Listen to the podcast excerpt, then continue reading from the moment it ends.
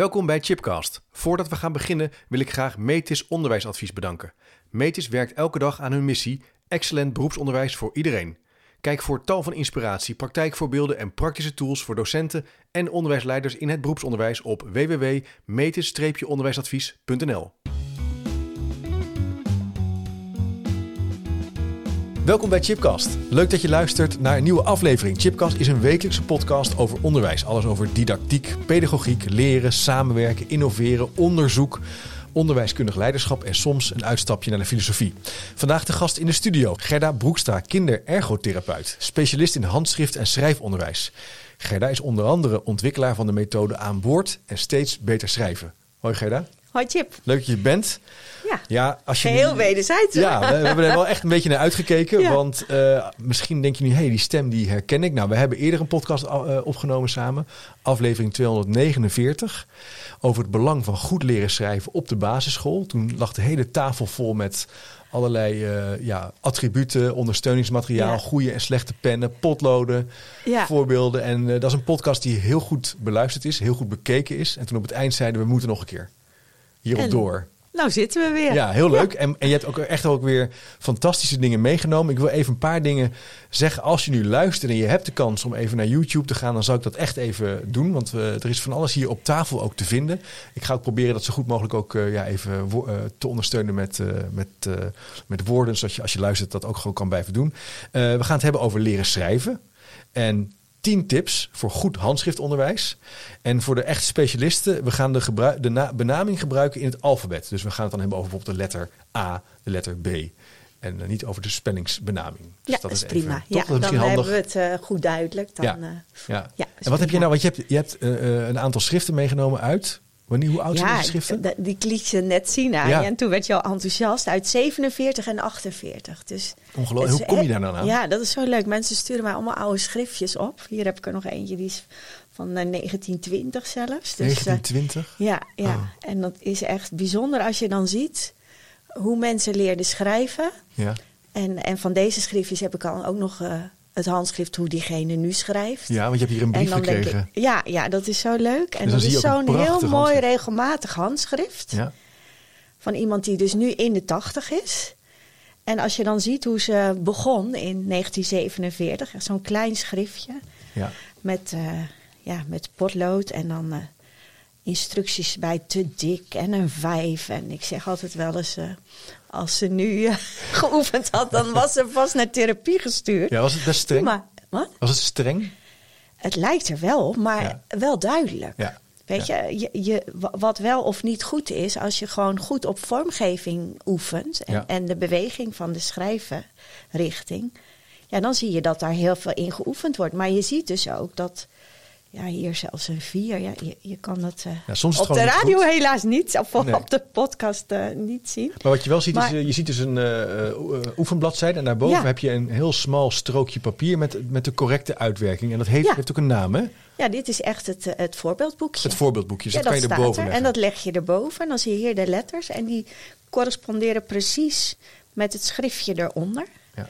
En hier zie je dan de letter oefening. En dan een jaar later komen ook eh, de woordjes en de klanken. En je ziet ook echt vooruitgang. Ja. Maar je ziet dus gewoon al een oefening van eigenlijk twee jaar. Waarin dus gestaag vooruitgang komt door heel veel te oefenen. Ja. En als je dan uiteindelijk ziet eh, hoe diegene nu schrijft. Ja, dat is geweldig. Heel vast, regelmatig handschrift, een kaartje. Ja, het is een Zonder persoonlijk kaartje. Dus je kan, Ja. Ik zal het niet op, op, op de Nee. website zetten, maar je ziet wel een heel prachtig, inderdaad regelmatig Ja. handschrift. Wat me ook even opvalt, is dat zo'n schrift is dus bewaard. Ja, Dus dit is iets wat je wil bewaren. ja, Kijk, in die werkboeken van tegenwoordig, waar je vaak kleine stukjes, puntje, puntje, puntje, of zo'n rechthoek, rechthoekig vierkantje, eh, mag je dat dan invullen? Ja, dat, dat bewaar Ja. je denk ik ook niet. Hè? nou heel vaak zie je ook dat het daar niet goed in lukt. Omdat Nee. het niet past. Nee. En dan gaan kinderen eronder schrijven of erboven. Of soms dwars er doorheen. Ja. Of ze schrijven eigenlijk van de bladzij af. Ja. En eigenlijk ben je daar dan zelf ook vaak niet eh, tevreden of blij mee. Hè? Nee. Eigenlijk als je een mooi handschrift ontwikkelt, dan, dan ben je daar blij mee. En dan is het een regelmatig handschrift, een handschrift wat goed te lezen is. En wat je dus eh, ja, trots aan een ander laat zien. Ja. En je ziet ook dat kinderen die trots zijn op hun handschrift en wat er goed uitziet, dat die ook veel sneller hun werk aan volwassenen laten zien en aan volwassenen tonen. En dus ook aan de leerkracht. Van eh, kijk, juf, is dit goed? Heb ik het goed geschreven? Is het, hè?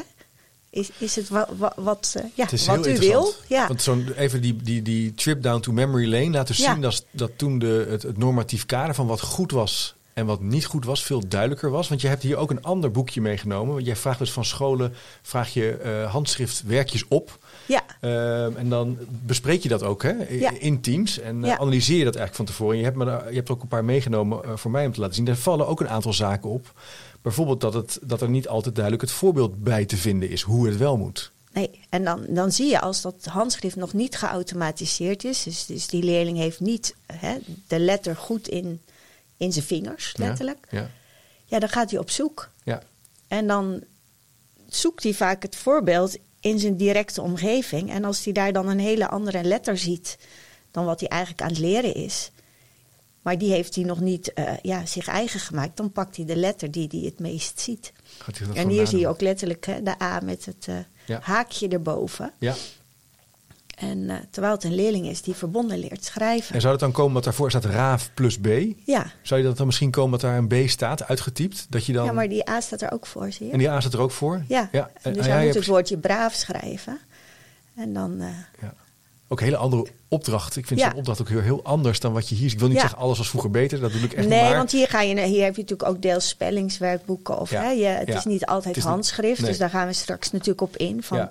Hoe oefen je nou uiteindelijk echt dat Ja. handschrift goed? Maar, maar in, in dit boekje uit 19, dus eh, 19, na de oorlog, na de Tweede Wereldoorlog, Ja. is het heel duidelijk wanneer iets goed is en niet goed is. Is het wat strenger. Ja. Hier zie je af en toe ook krullen in het werk van nu. Waarin een leerkracht waarschijnlijk met de beste intentie zegt... nou, je hebt het woord helmpje goed geschreven. Als je wat specifieker gaat kijken, is het misschien goed gespeld. Maar zie je een aantal fouten in het handschrift. Ja, Dat lijkt me ook een probleem. ja. Nou ja, we- we hebben een aantal tips te bespreken. Dus Ja, we, we we kunnen misschien, misschien die alvast pakken. Ja? Nee, maar dan gaan ze maar doorlopen. want ik wil want- al meteen ja. natuurlijk. Ja, want even, we gaan, we gaan tien tips bespreken. Ja, we gaan tien tips bespreken. tips. Als je nu luistert, je denkt, en dan moet je eerst, en je hebt de eerdere podcast met Gerda niet geluisterd, ga die dan eerst even luisteren. En dan kan je nu echt de diepte in. Tien tips. En deze podcast komt ook online op de dag van het handschrift. Ja, 23 dan januari. 23 januari. Ja. Dus als je nu luistert, misschien wel op de dag, misschien later, maar dan Ja. weet je dat in ieder geval 23 januari kan je vanaf nu je agenda zetten. Ja. Eh, ik ga ze steeds introduceren en dan ga jij ons meenemen in hoe je die tip in de praktijk kunt gebruiken. En tip 1 is zorg voor een duidelijke definitie van het vak schrijven. Ja. Ja, ja, het lijkt heel simpel. ja dacht ik ook Ja. vooraf. Vooraf wel, ja. En, en als ik naar scholen ga om ze te coachen, of ze gaan met de methode aan boord werken, en ik vraag dat, hè, wat gaan jullie ze leren met het vak schrijven? Ja, dan valt ze eigenlijk vaak stil. Ja. Ja, letters. Ik zeg nee. Want, want, want wa- wat is een letter dan? Hè? Ja, Ik bedoel, dat moeten ze als eerste nog leren. Dat weten ze ook niet. Nee, want wat, wat, het, het gaat uiteindelijk over een, een stuk eh, vormgeving. En dat is het handschrift. Hè? Ja. Maar schrijven is eigenlijk veel meer. Dus je kan het eh, eigenlijk drie facetten geven, dat schrijven. Het is het handschrift, dus de vormgeving op het papier. Ja, Dan komt het, eh, het spellen. Want je leert die vormgeving van die letters. Maar wil je een woord schrijven, moet je de volgorde van die letters weten. Dus dan moet je leren spellen. Mhm. En kan je dat eenmaal, dan kan je stellen. Dus dan kan je de tekst eh, op papier weergeven. En dan kan je dus inhoud op papier schrijven. Dus eigenlijk heb je ja, eigenlijk drie stappen Mhm. in het vak schrijven. En als je dat niet eh, goed voor ogen hebt en dat gaat door elkaar heen lopen, dat je bijvoorbeeld met je handschriftmethode ook spellingsopdrachten vraagt. Dus schrijf hè, met het handschrift, je hebt de NG geoefend en vervolgens staat er verzin drie woordjes en, met een NG. Dan ga je dus ook meteen eh, spelling vragen. Je Terwijl je eigenlijk, ben je nog aan het, je bent die vormgeving die vormgeving aan het oefenen. Eerst moet die vormgeving dus die, Goed zijn? zonder, zonder handschrift kan je eigenlijk niet spellen en stellen. Nee. Want als dat handschrift er niet goed Ja, in ja. zit, Maar dan wordt het continu een dubbeltaak. een dubbeltaak. En dat is dan te veel misschien voor leerlingen? Ja, want als jij moet nadenken van hoe moet ik die G ook alweer schrijven en, en wat voor letter is dat, Nou Ja. ja, eh, dan ben je eigenlijk je, je, je, je woordje kwijt. Ja. Er zijn ook wel dan- mensen die zeggen, ja, je moet zoveel mogelijk schrijven. Zoveel mogelijk, eh, meters maken, meters maken. Ja. En dan met spellen. En eh, hoe, hoe reageer je daar dan op als iemand eh, dat zegt in zo'n team? Van, ja, maar we moeten toch juist veel oefenen? Eh, Ja, maar wel goed oefenen. Ja, wel goed je moet, ja, Ja, je moet wel goed doordacht Ja, dat aanbieden. Je, kan- je kan niet eh, zomaar zeggen, nou dan gaan we heel veel doen. Nee, je moet goed naar die leerling kijken van...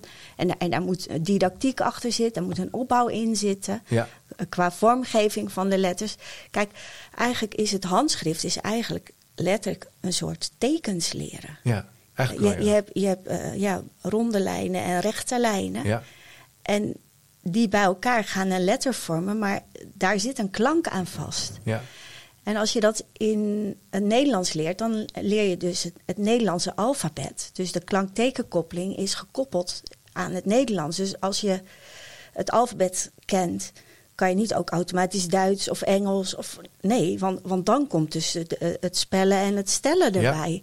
Dus die vormgeving is dus de basis om vervolgens die taal je eigen te maken. Ja, en als je nu luistert en denkt, oeh, ik op, wij op school hebben misschien nog niet zo'n duidelijke definitie van het vak schrijven. Wat is dan jouw tip om, is dat, ga daarover nadenken? Ga het uitwerken? Ga daar, Nou, Hoe- wat ik net zei. ja? Ja, Volg die redenering. Ga gewoon die redenering. Maar die redenering Ga- is ook wel ga- vrij strikt. Ja. Ja, ja. Ja. Die moet je volgen. Ja, want je, zeg maar, zonder, zonder schrijven kan je niet eh, stellen. Nee, En kan je niet spellen. nee, nee. Dus als eerste moet die vormgeving en dat handschrift ontwikkeld worden. Ja, Een kind moet weten hoe hij die letter A moet vormen.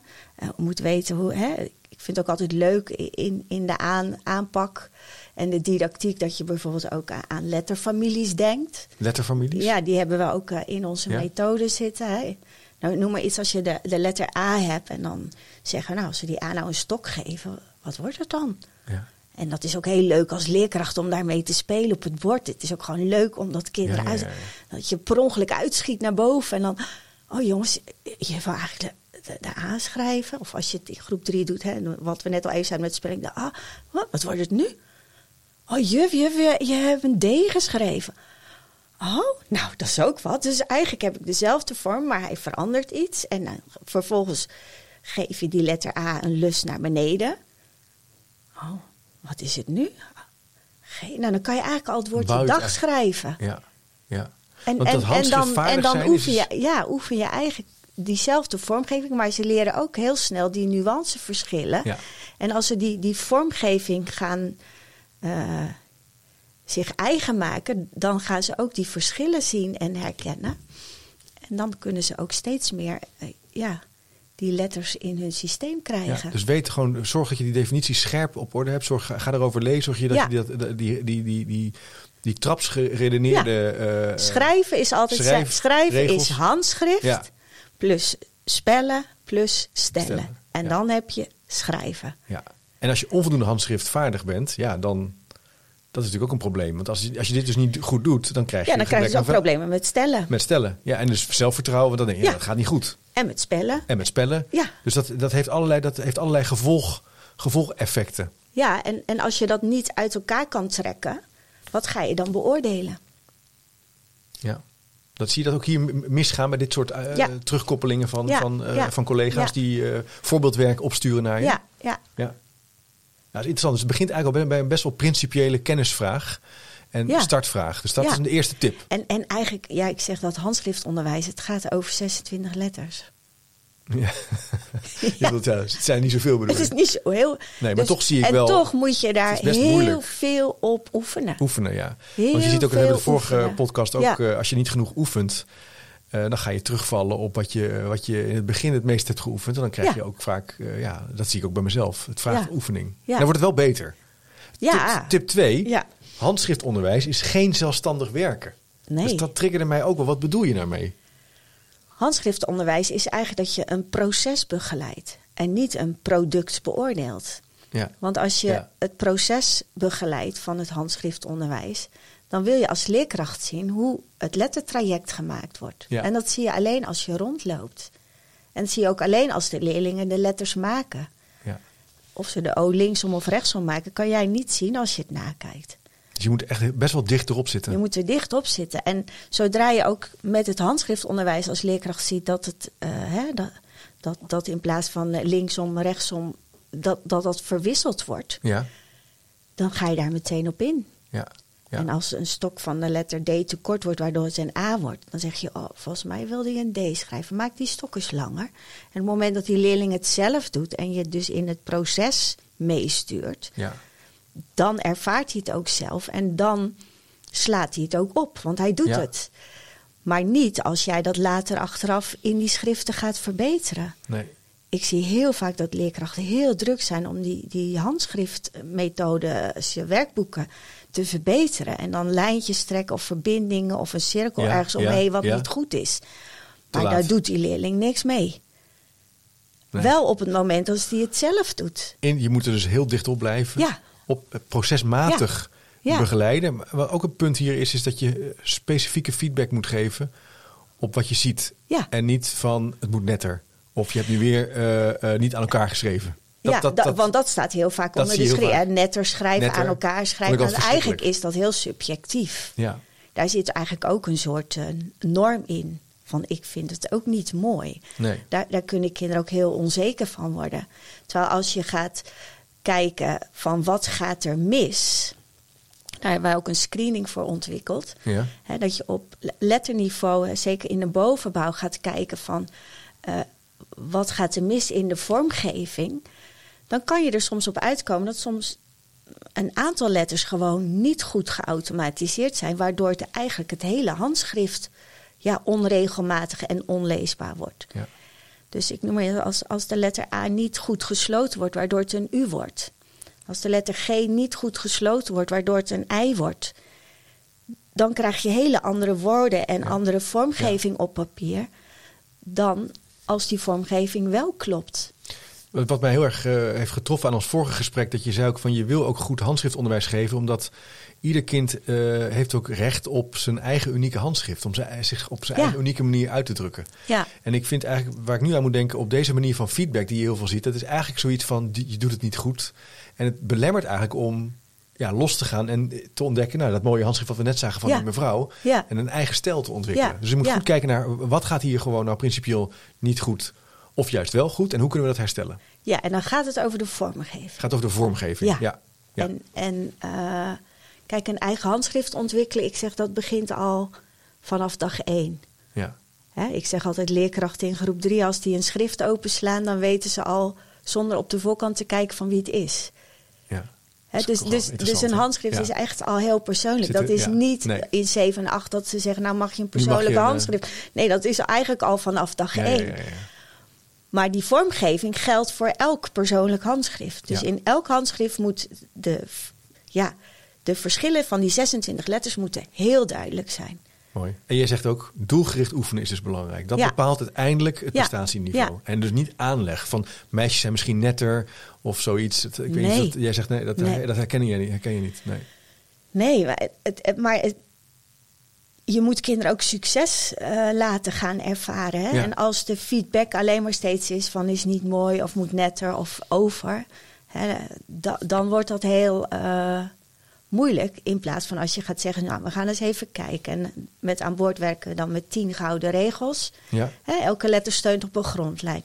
Nou, dan kan je zo'n criteria in de groep leggen ook. Jongens, hebben net geschreven, check even. Hè. Steunen alle letters Ja. op de grondlijn? Oh, hé. Hey, eh, Helder, dus je kan bijsturen en het is dus geen zelfstandig werken, begeleid proces. Ja. Zorg ervoor dat je gewoon gericht Ja. op basis van die regels gaat oefenen. Dat is tip En- 2 hè? Ja. Ja. en dat, kost, dat, is misschien even een omslag, maar uiteindelijk win je er alleen maar tijd mee. Je hoeft niet na te kijken. Tip 3. Voorkennis is noodzakelijk om handschriftvaardig te worden. Ja. Voorkennis. Voorkennis, waar, waarover moet je voorkennis dan hebben? Over... Nou, het geldt zowel voor de leraar als voor de leerling. precies, dat dacht ik ook al wel, ja. ja. Kijk, als je kinderen eh, die lettervormgeving gaat leren, eh, dat is vormgeving in het platte vlak. Mhm. Je gaat ook heel veel ruimtelijke begrippen gebruiken met je uitleg. We gaan tussen de lijn of we tikken de lijn aan of we gaan naar boven of we gaan naar beneden. Dat zijn allemaal ruimtelijke begrippen die je naar het platte vlak brengt. Maar als kinderen dat nog helemaal niet beheersen. Dus je moet wel checken van hé, hey, is dat begrip al aanwezig? Ja. Eh, En het leuke is juist in kleutertijd, waar kinderen heel veel bewegen en vanuit zichzelf die begrippen eigen maken, is dat dus ook heel belangrijk om dat ook heel veel te doen. Dat Ja. bewegen en, en, en de dingen te ervaren. Kan je daar een voorbeeld van En- geven? Als het gaat over handschrift? Eh, nou, eigenlijk, kleuters die ontdekken vanuit zichzelf de wereld. Hè? Dus die werken eigenlijk vanuit zichzelf de wereld in. Dus je ziet ook dat kleuters altijd met cijfers en letters bij zichzelf beginnen en dan omhoog gaan. Dus ja. cijfers worden altijd van beneden naar boven geschreven en vaak ook van rechts naar links. Terwijl eigenlijk we van links naar rechts willen en van boven naar beneden. Dus dat is al één ding waarvan ik denk, daar moet je echt goed over nadenken. Wil, wil je dat laten gebeuren? Ja.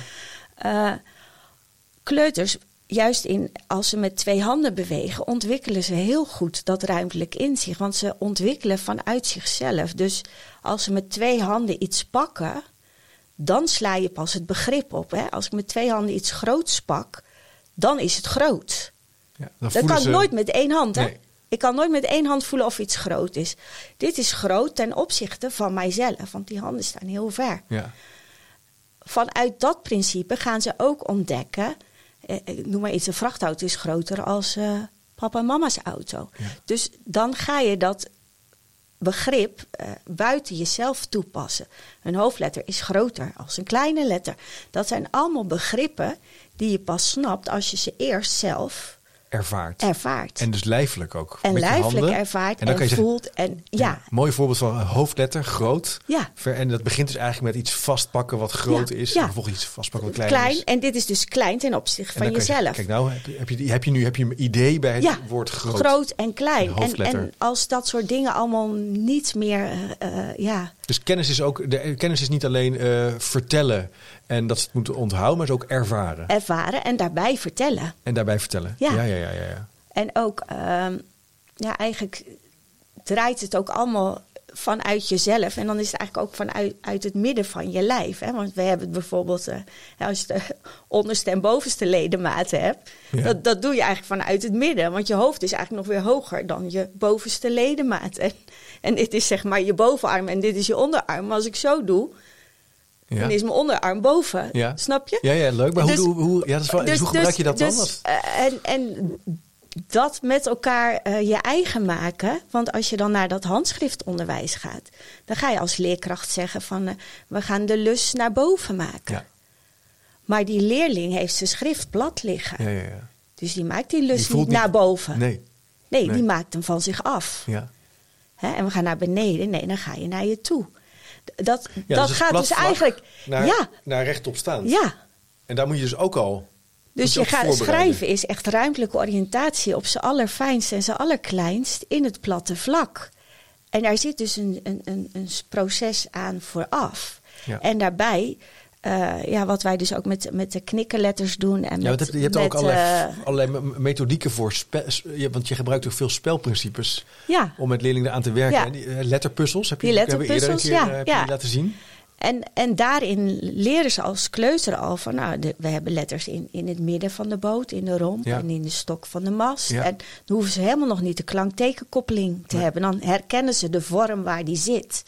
En die vormherkenning waar die geplaatst wordt. En, en we hebben eentje naar, met een lus naar beneden, of als je met blok werkt met een staartje naar beneden. Eh, al dat bewegend en spelend leren krijgt dan zijn, zijn vervolg in groep 3. En dan is het natuurlijk heel leuk, omdat je ja, in die kleutertijd dat heel veel ervaren hebt. Waar we het de vorige keer natuurlijk ook even over hadden, hè, met links-rechts. Ja, zeker. Eh, rechts is, hè, werken is links analytisch en links is rechts hè, all over bewegen. Dus ik zeg altijd dat is denken en doen. En in die kleutertijd komen tussen denken en doen heel veel hè, Verbindingen. verbindingen. ja.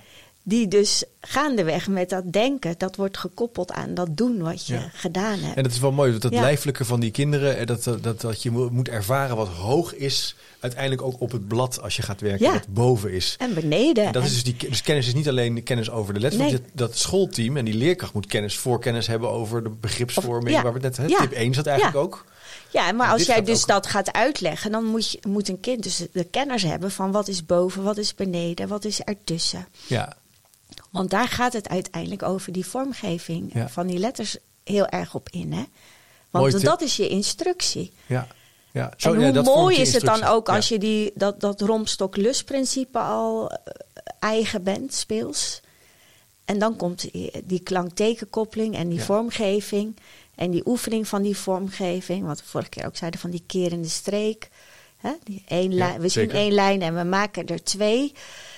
Ja, dat, dat, dat hebben ze dan al op zoveel manieren al geoefend. Dus je kan al heel veel doen in groep 1 en in groep 2 naar 3 toe. Met het spelen, met het ervaren. Ja. Om die basiskennis ook. Ja, En die ervaringskennis eh, op de juiste manier in te oefenen, te ervaren, zodat je door kan gaan. ja. Ehm, tip 4. De kern van goed handschriftonderwijs is continu het juiste voorbeeld geven. Oh, wat ze- Want we hebben drie vergeten. heb ik, oh, sla ik drie. Oh, even. heb ik nou... Voorkennis is noodzakelijk. Oh, nee, oh, je hebt wel gelijk. Ja, Oh, zo, oh, nou, oh, die heb nee. ik een keer gelijk. nou, ik, ik zit Nee. zo even vragen. Ja, Ik zal- ik- sneller dan... Ja, ik- nee, ja. Nee, je moet te veel, hè? Nee, nee, ja, nee, maar dat is de bedoeling. dat is de bedoeling. Nee, ik ga heel graag naar tip 4. Ja, ja. En dat lijkt een open deur, maar die, dat zijn vaak de gevaarlijkste. Eh, tip 4. De kern van goed handschriftonderwijs is continu het juiste voorbeeld van de letters geven. Ja, Ja. Wat bedoel je daarmee? Want je zou denken, dat betekent dat het moet altijd er overal goed uitgewerkt staan? Kijk, als je het over handschriftonderwijs hebt, dan gaat het over die vormgeving. Dus het gaat mij ook echt tijdens het handschriftonderwijs en in de werkboeken van het handschriftonderwijs, daar moet dat voorbeeld kloppen. Mhm. Kijk, kinderen kunnen best verschillende vormgevingen gaan herkennen. Maar op het moment dat ze schrijven, gaan ze één vormgeving zich eigen maken. Ja. En die ga je automatiseren. Ja. En als je dan in dat aanbod nog heel veel ruis hebt, dan gaan ze ook steeds zoeken. En, maar ik zit dan te denken, wat ik, was, ik, ik, ik bezoek regelmatig eh, schoollokalen. Ik zie dan bijvoorbeeld een bepaalde, wordt een bepaalde methode voor, voor rekenen gebruikt. Er is Ja. een wereldoriëntatiemethode, hangen vaak ook dingen aan de muur. Ja. Eh, soms eh, werken van, van leerlingen, maar soms ook ja, posters die van Ja. internet zijn geplukt. Ja. Met allerlei fonts. Ja, ja. Dan ga je al, of niet?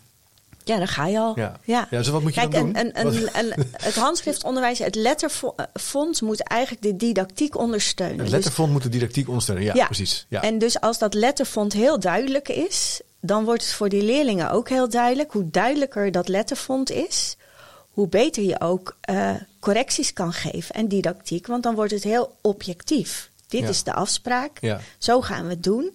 En zo wil ik ook dat je het op papier gaat doen. Ja. En zo wil ik Maar ook hoe- dat je gaat schrijven. Dit lijkt me wel moeilijk, want hoe kijk je... want Er zijn allerlei methodes. En, en Ja. wij- gaan hier nu geen uitspraak doen over welke Nee. goed... goed Nee. Jij overstijgt dat ook wel, vind ik. Dat vind ik ook Ja, zo dat- leuk aan dat- dit gesprek. Maar hoe moet je daar nou mee omgaan als je als team... Nou, ten eerste moet je er bewust van zijn. Ja, Dat is, dat ook, is al het allerbelangrijkste. Dat je er bewust van bent dat je opeens ziet gebeuren van... hé, hey, hoe kan het nou dat die leerling in zijn eh, handschriftonderwijs heel netjes schrijft... en met taal en spelling zie ik dat helemaal niet terug. Ja. Waar, waar Ja. gaat dat mis? Ja. Dan kan het of nog niet goed geautomatiseerd zijn... Of, maar da- daar ga je naar kijken. En, en ja, zelf ben ik toch eigenlijk ook altijd wel voorstander om gewoon veel meer kinderen de ruimte te geven om, om dat handschrift goed te ontwikkelen. En dat zou ook wel eens kunnen betekenen dat je gewoon veel meer weer in schriften gaat oefenen. Ja. ja, dat lijkt mij ook, hè? Ja, en, en eh, met onze aanpak, hè, met de steeds beter schrijven schriften, waar we dus handschriftonderwijs koppelen aan spelling Ja. en spellingscategorieën, hoeven de kinderen niet zelf spellingsregels toe te passen. Want het is allemaal goed voorgedrukt. Dus ze kunnen letterlijk inoefenen op het handschrift. ja, in het juiste font. in het juiste font. En ondertussen oefenen ze ook nog eens hun spelling. Ja. ja. Dus ja. het is eigenlijk en-en. En je ziet dus dat daardoor eh, de spelling ook weer versterkt wordt. Want juist met dat netjes oefenen van dat handschrift... en vervolgens ook het woord zonder spelfouten opschrijven...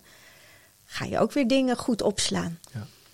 En Maar eigenlijk ook, want je hier zie je- meer, zie je eh, natuurlijk ook- interactie. krijg je meer Ja. interactie. Precies. En hier zie je natuurlijk ook dat veel leerkrachten helaas ook nog wel spannend vinden om die methode los te laten en te vertrouwen op hun eigen kennis van de leerlijnen, hun eigen kennis over goed leren schrijven. Ja. En dat zou eigenlijk nodig zijn, want dan kan je ook naar zo'n schrift toe. Dan, dan heb je ook meer vakmanschap erop en sturing erop. En dan weet je ook wat je wel en niet kan gebruiken. Ja. Dus dat is een hele, dit is een hele belangrijke, wezenlijke tip.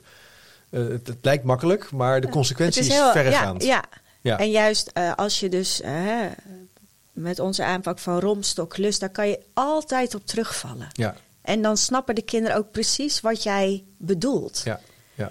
En dat is ook, hè, wat we ook zeggen, van 1 tot en met 8 ga je diezelfde taal gebruiken. Ja, want je, je zei ook van je kan ook een taakanalyse hierop doen. Hè? Je kan vragen waar haalt de leerling nou eigenlijk zijn voorbeelden vandaan en waar Ja. gaat het mis? Ja. En zie je ook verschillende lettervormen in een handschrift. Ja. Dat is een soort check die je kan doen. Ja, Ja. je kan eh, gewoon kijken van is het een, een product, eh, is zit hem in, in het product, de letter zelf, of zit hem het in, in het proces en de, de, de, Ja. de opdracht die die Ja. maakt, waardoor die het kwijtraakt. Ja.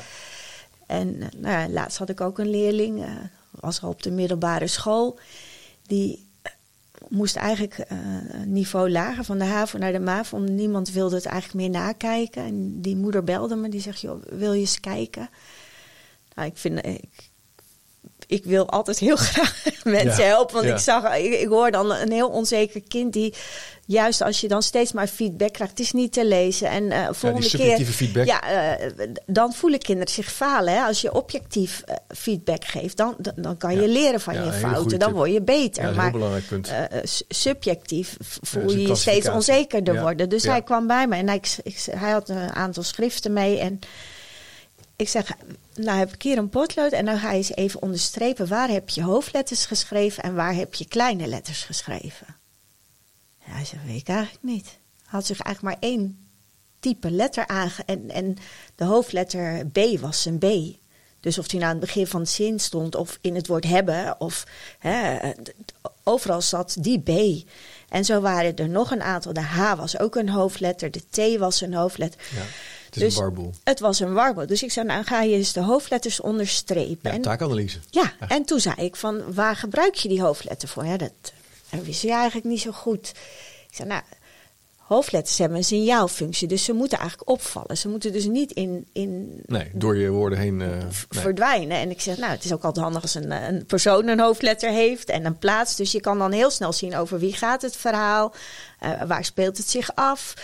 Hè, het, het leest lekker als je duidelijke hoofdletters eh, eh, ziet, want dan weet je, hè, dan, dan is, is de informatie niet te veel. Als je maar één hoofdletter ziet aan het eind van de bladzijde komt het punt, dan hebben we al vaak geen zin om het te Ook weer lezen. kennis, hè? Dat je, Is dat, ook weer dat je kennis. wat meer weet en, Ja. en, en hem ook helpen om die analyse Ja. te doen. Dus dat, dat en, is. en dat hebben we gedaan. En toen de letterkaarten erbij. Van nou, dit zijn hoofdletters, dit zijn kleine letters. En nu ga je die tekst nog een keer herschrijven die je nu bekeken hebt. En dan gaan we dat dus toepassen. En opeens kwam er een leesbare tekst. Ja, en ik weet, er is coronatijd geweest. Ik weet ook, ik, ik kende hem niet goed genoeg hè, om te weten in hoeverre die wel of niet alle instructie goed opgepakt heeft. Maar aan het eind zei hij, ja, maar dit heeft nog nooit iemand aan mij verteld. Nee. En na een maand belt zijn moeder en zegt, nou het gaat hartstikke goed. Hij weet nou precies wanneer hij... Wat, en dat vraagt even weer aandacht. klein Hè? Een soort re- resetten. Ja. Maar wat je ook hebt gedaan, Ja. wat je even zo terloops zo zegt van... eh, nou, dat analyseren, dat onderstrepen, een gesprek erover, kennis aanreiken en het dan nog een keer doen. Hè? Dus dat, Ja. daar is ook wel heel veel onderzoek naar gedaan. Ja. Dat dat opnieuw herstellen en opnieuw nog een keer doen een hele grote impact heeft op de kwaliteit. Dus dat is ook een goede tip die je kunt toepassen. Ja, hè? Want dat is ook, Ja, maar dan, we- dan ga je leren. dan ga je leren, ja. je dan haalt de in- fouten eruit en dan ga je, dan ga je leren. door. En niet, een- dus niet achteraf een, we hebben het eerder over gehad, Ja. die tip, feedback op het proces erbij blijven en niet achteraf zegt is fout of, of, eh, goed of fout. Ja, Eh, of dan erbij zeggen wat er goed Dan- of fout is. objectief. Ja, objectief. kijk, kijk, kijk. Dus dat- en dan krijg je de kans om je te verbeteren. Leuk ja, hè? We gaan door. Het begeleiden en het, eh, van het ontwikkelen van de juiste pengreep en de overstap van potlood naar pen. Ja. Dat is toch wel wel iets waar, die had ik niet verwacht. Je zou denken, nou, Ja. Eh, maar je hebt ook hier een etui met allerlei Ja. potloden en pennen weer bij. Dat vind ik dus altijd wel heel erg leuk. Ja, hè, dat is zo'n zo, zo, Want je hebt snoepwinkeltje snoepwinkel, je hebt een hele grote. eh, eh, ja. Ja. hoe zeg je dat? Grote. eh, hoe zeg je het Nou noemen? nu pak je al meteen de pen voor, van potlood naar pen. Oh, kijk, zie je dat is niet. Ja, want eigenlijk, eh, we differentiëren heel veel in het onderwijs. Ja. We hebben passend onderwijs, lezen, we doen alles op niveau. En schrijven, we geven alle kinderen hetzelfde pen, hetzelfde potlood. We gaan op hetzelfde moment, Ja, zonder hulplijnen schrijven of met hulplijnen. Zonder daarin te differentiëren. Hm. En dat is natuurlijk eigenlijk best wel raar als je erover nadenkt. Want daarin doorlopen kinderen ook een, een stuk eigen proces. eh, Met meer oefening of minder oefening. Maar uiteindelijk ga je ervan uit dat ze in groep 8 allemaal met pen netjes op een enkele lijn kunnen schrijven. Dat wordt je einddoel voor het schrijven. Maar die weg er naartoe hoeft niet voor alle kinderen hetzelfde Nee. te zijn. Nee. En eh, dit is een pen, ja, als je ziet. En als ik hierop duw, dan geeft hij een lichtje. Ach, oh ja, leuk. En heel veel kinderen eh, duwen eigenlijk veel te hard op hun pen. En wat je dus ook ziet in groep drie, als je dan ook nog eh, met potlood schrijft en je, gaat, je duwt hard, dan gaandeweg wordt, wordt dat schrijfspoor ook steeds dikker. Ja. Dus als die Ja. punt eh, eh, botter wordt, gaan de kinderen groter schrijven. Ja. Want de e'en en de l'en gaan anders dicht. Dus ik zeg ook altijd, als je dat proces wat wil begeleiden, dan is dit niet een pen voor alle kinderen, maar dit is eigenlijk een soort leerhulpmiddel, deze lichtjespen. En dan moet je er vijf van in je groep hebben. En tijdens de schrijfles mag er elke keer één groepje met pen. Nou, dat vinden ze heel speciaal. Oh ja. Want zij mogen met pen. En dan zeg jij, die pen gaat jou helpen. Hè?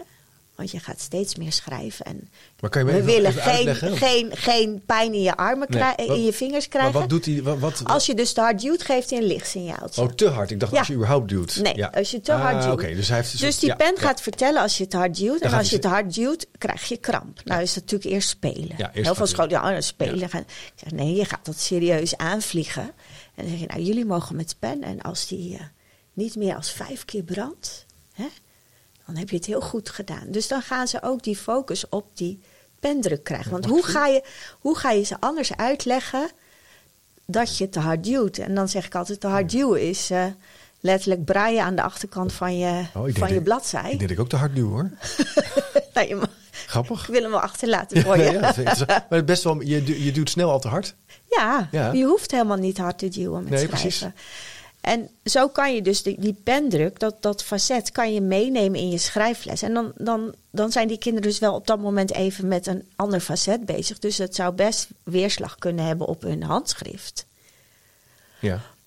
Maar dat weet je dan, want je Ja. weet dat ze ook Ja, met iets anders... maar bewust je en zo in. krijg je dus als leerkracht zicht op welke kinderen eigenlijk nog heel hard duwen. Maar die willen ook vaak nog niet met pen.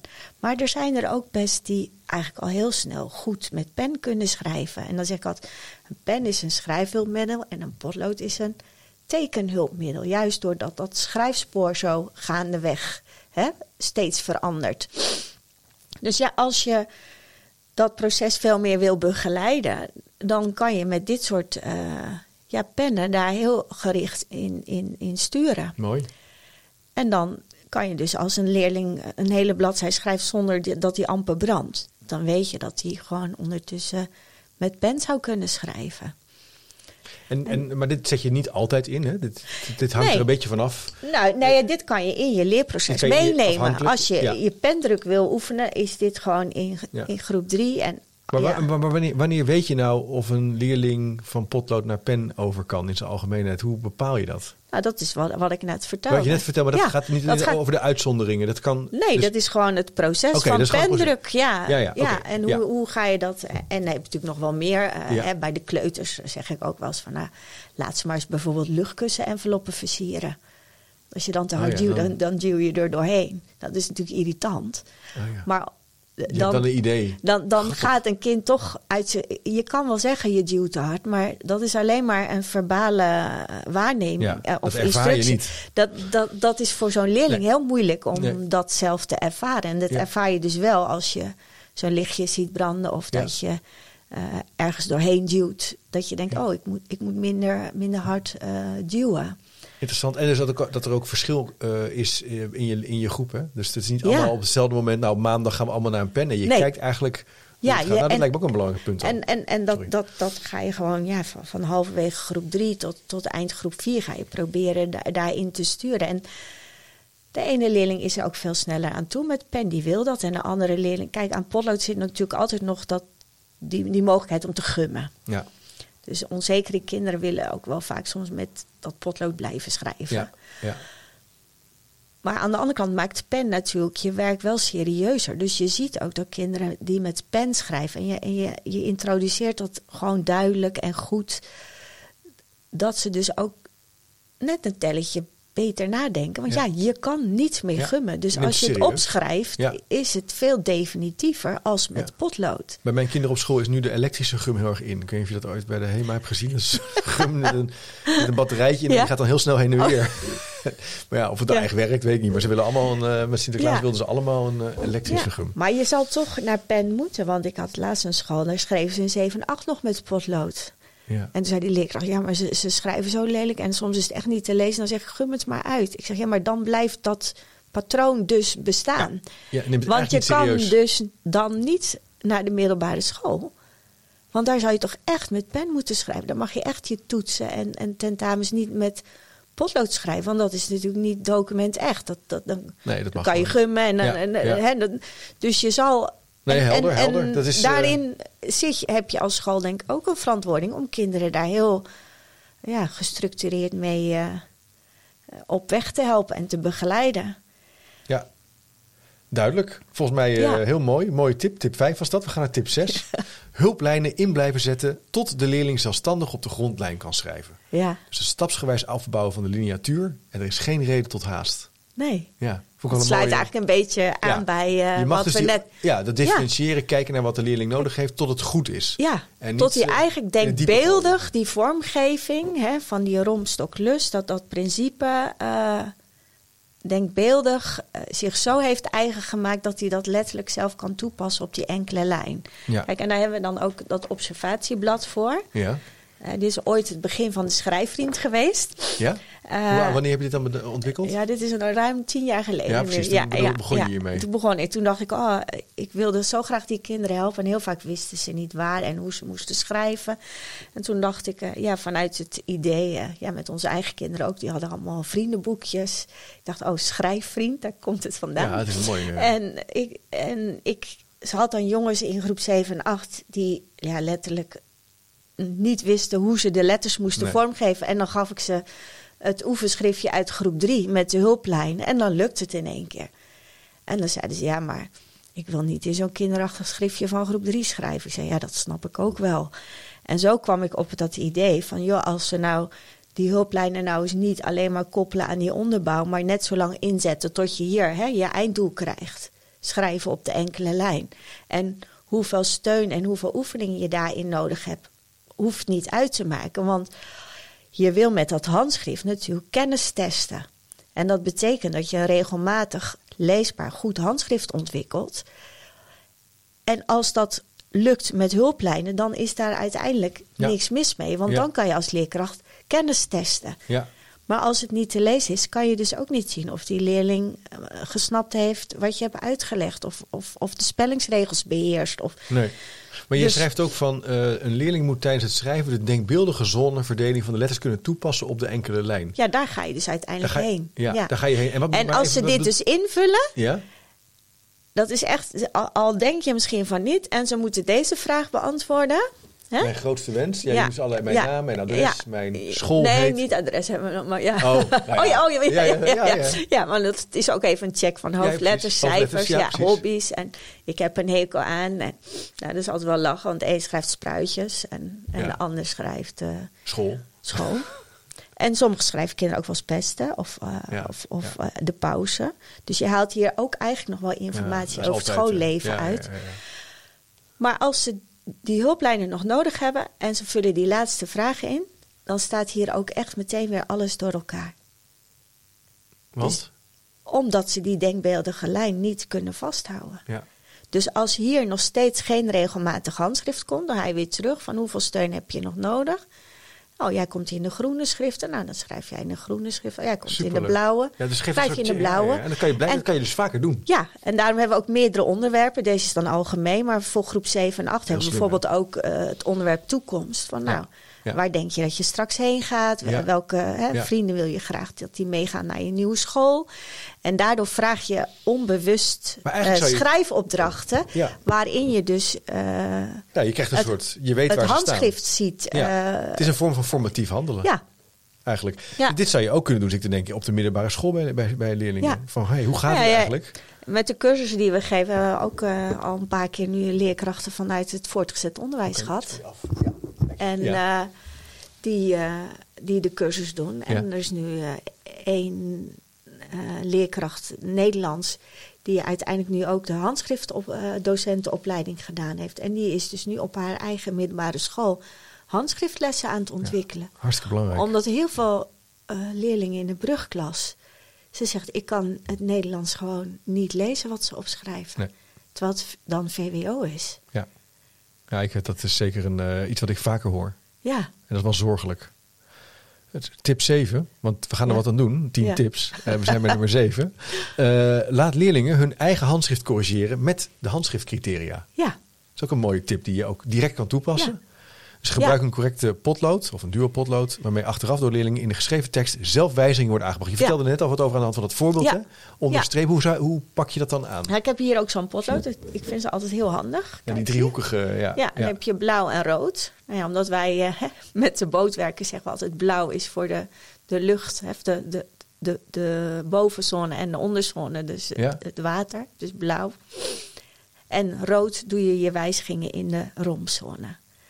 En dan gaan kinderen, heel vaak als ze met spelling bezig zijn, dan verliest de aandacht een beetje voor dat handschrift. Dus dan kunnen opeens wel die stokken tekort worden of die lus niet gesloten of de, de, de ronde vormen niet gesloten.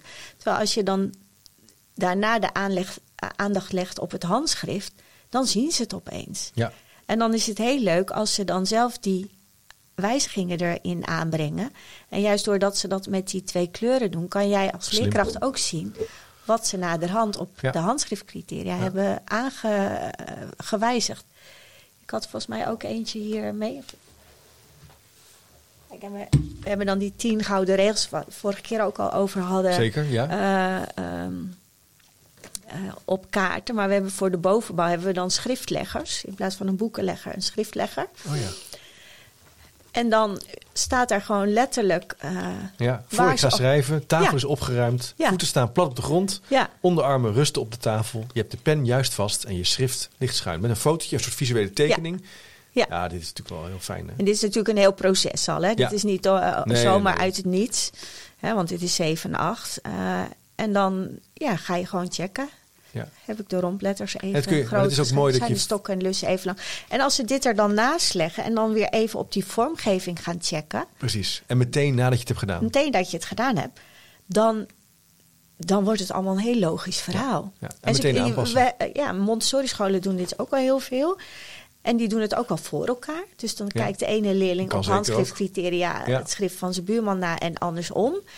Eh, er zijn ook scholen die bijvoorbeeld één criteria per week centraal zetten. Ja. En daar heel erg op focussen. Hè, Stokken en lussen even lang. En we hebben dan de lussen allemaal dezelfde kant op. Het is Juist ook, ook, eh, een aansluiting op hè, die, die vormgeving criteria. ja. Maar wat ik heel sterk aan vind, is dat, ook, dat je dus eigenlijk het, ook weer de feedback meteen doen. In plaats Ja. van weer een week later of een paar Ja. dagen later. Het is ook slimmer, hè, als het gaat over werkdruk, doe het Ja. gewoon meteen in de klas. Ja, ja. Maakt ook wel wat En ze uit. vinden, als je dit dus letterlijk in je schrift hebt, Ja. Is wel, ja, Dan- staat ook, ja, het is dan fijn. is het heel logisch. Ja.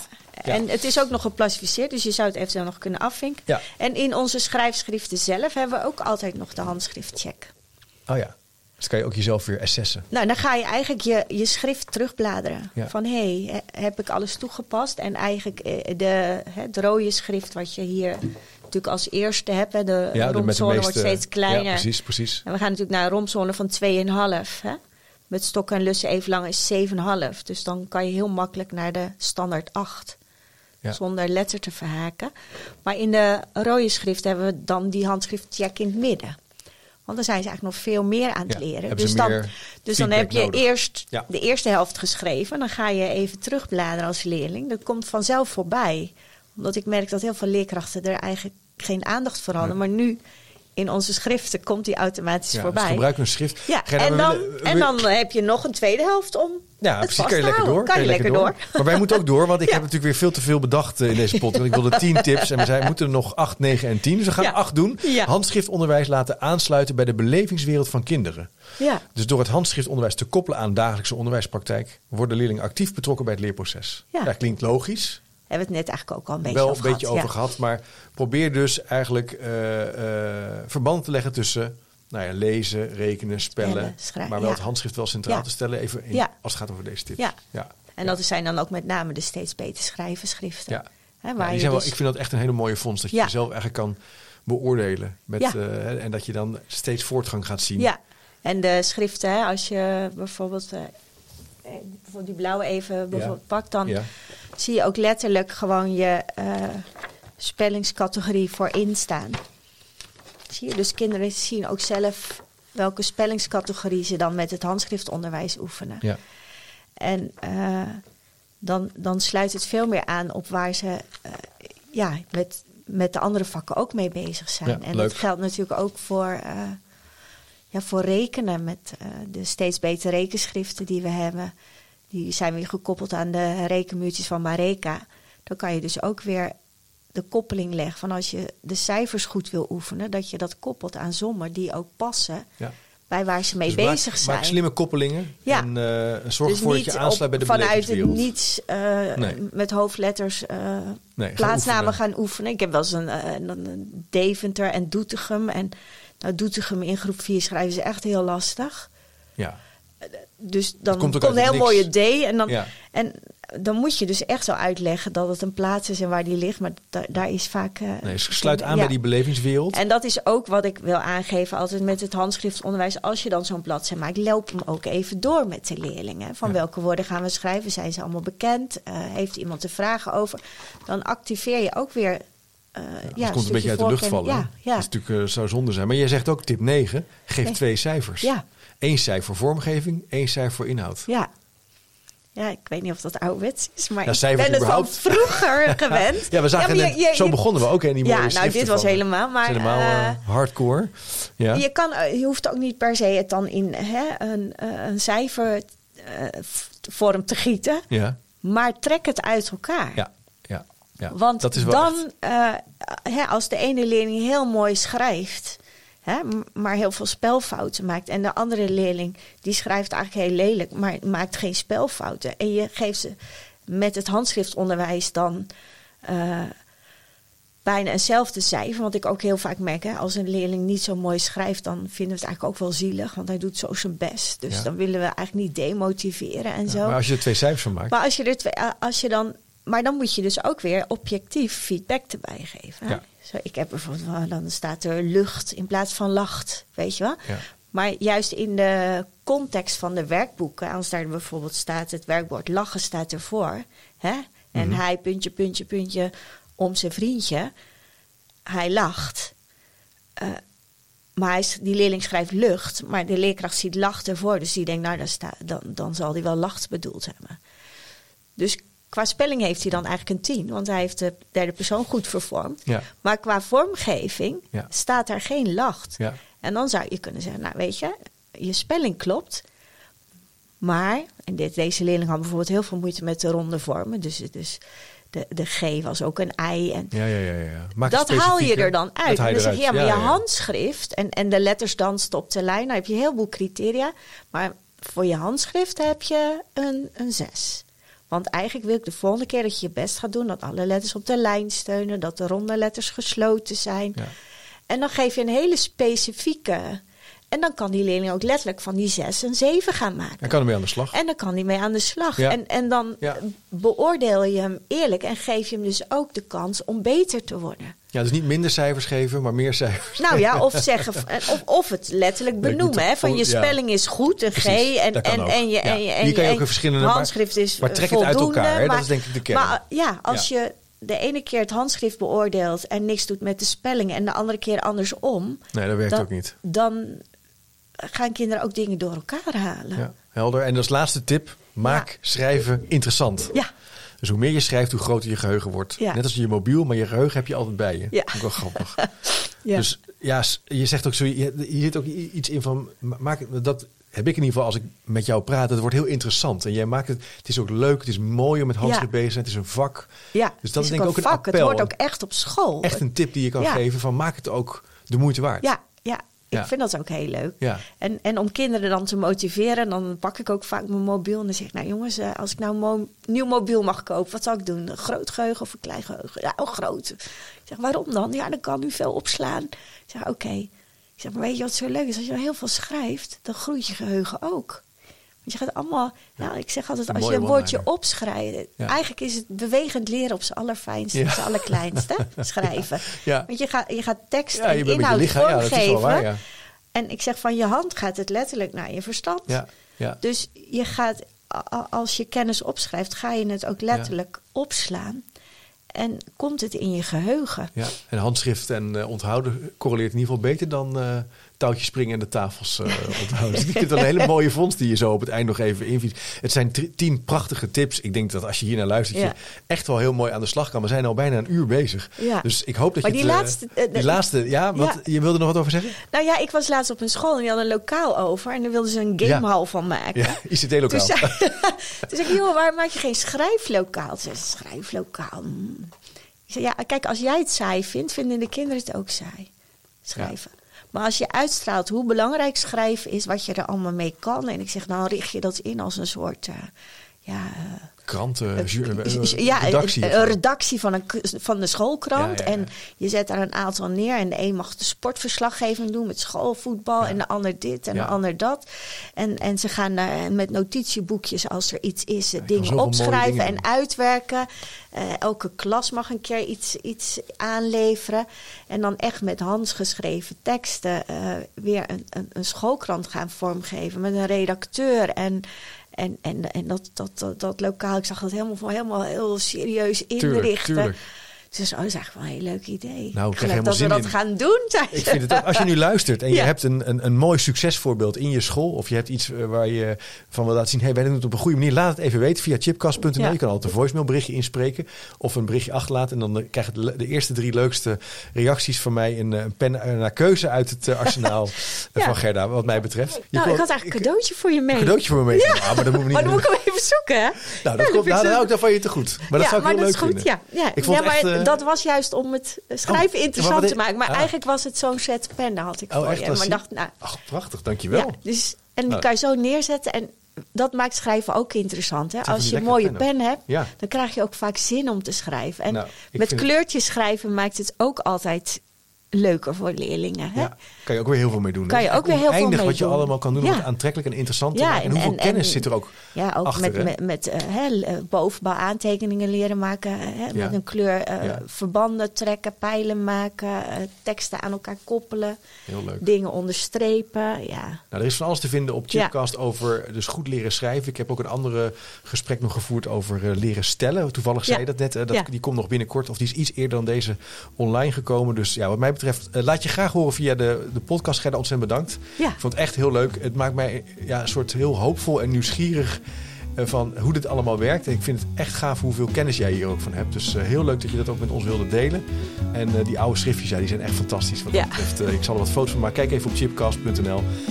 Bedankt voor het luisteren en tot de volgende keer maar weer. nee, dit is dan tip 5. Ja, nu ga ik ook. Nee, oké, okay, wacht even. Ja. Tip 5.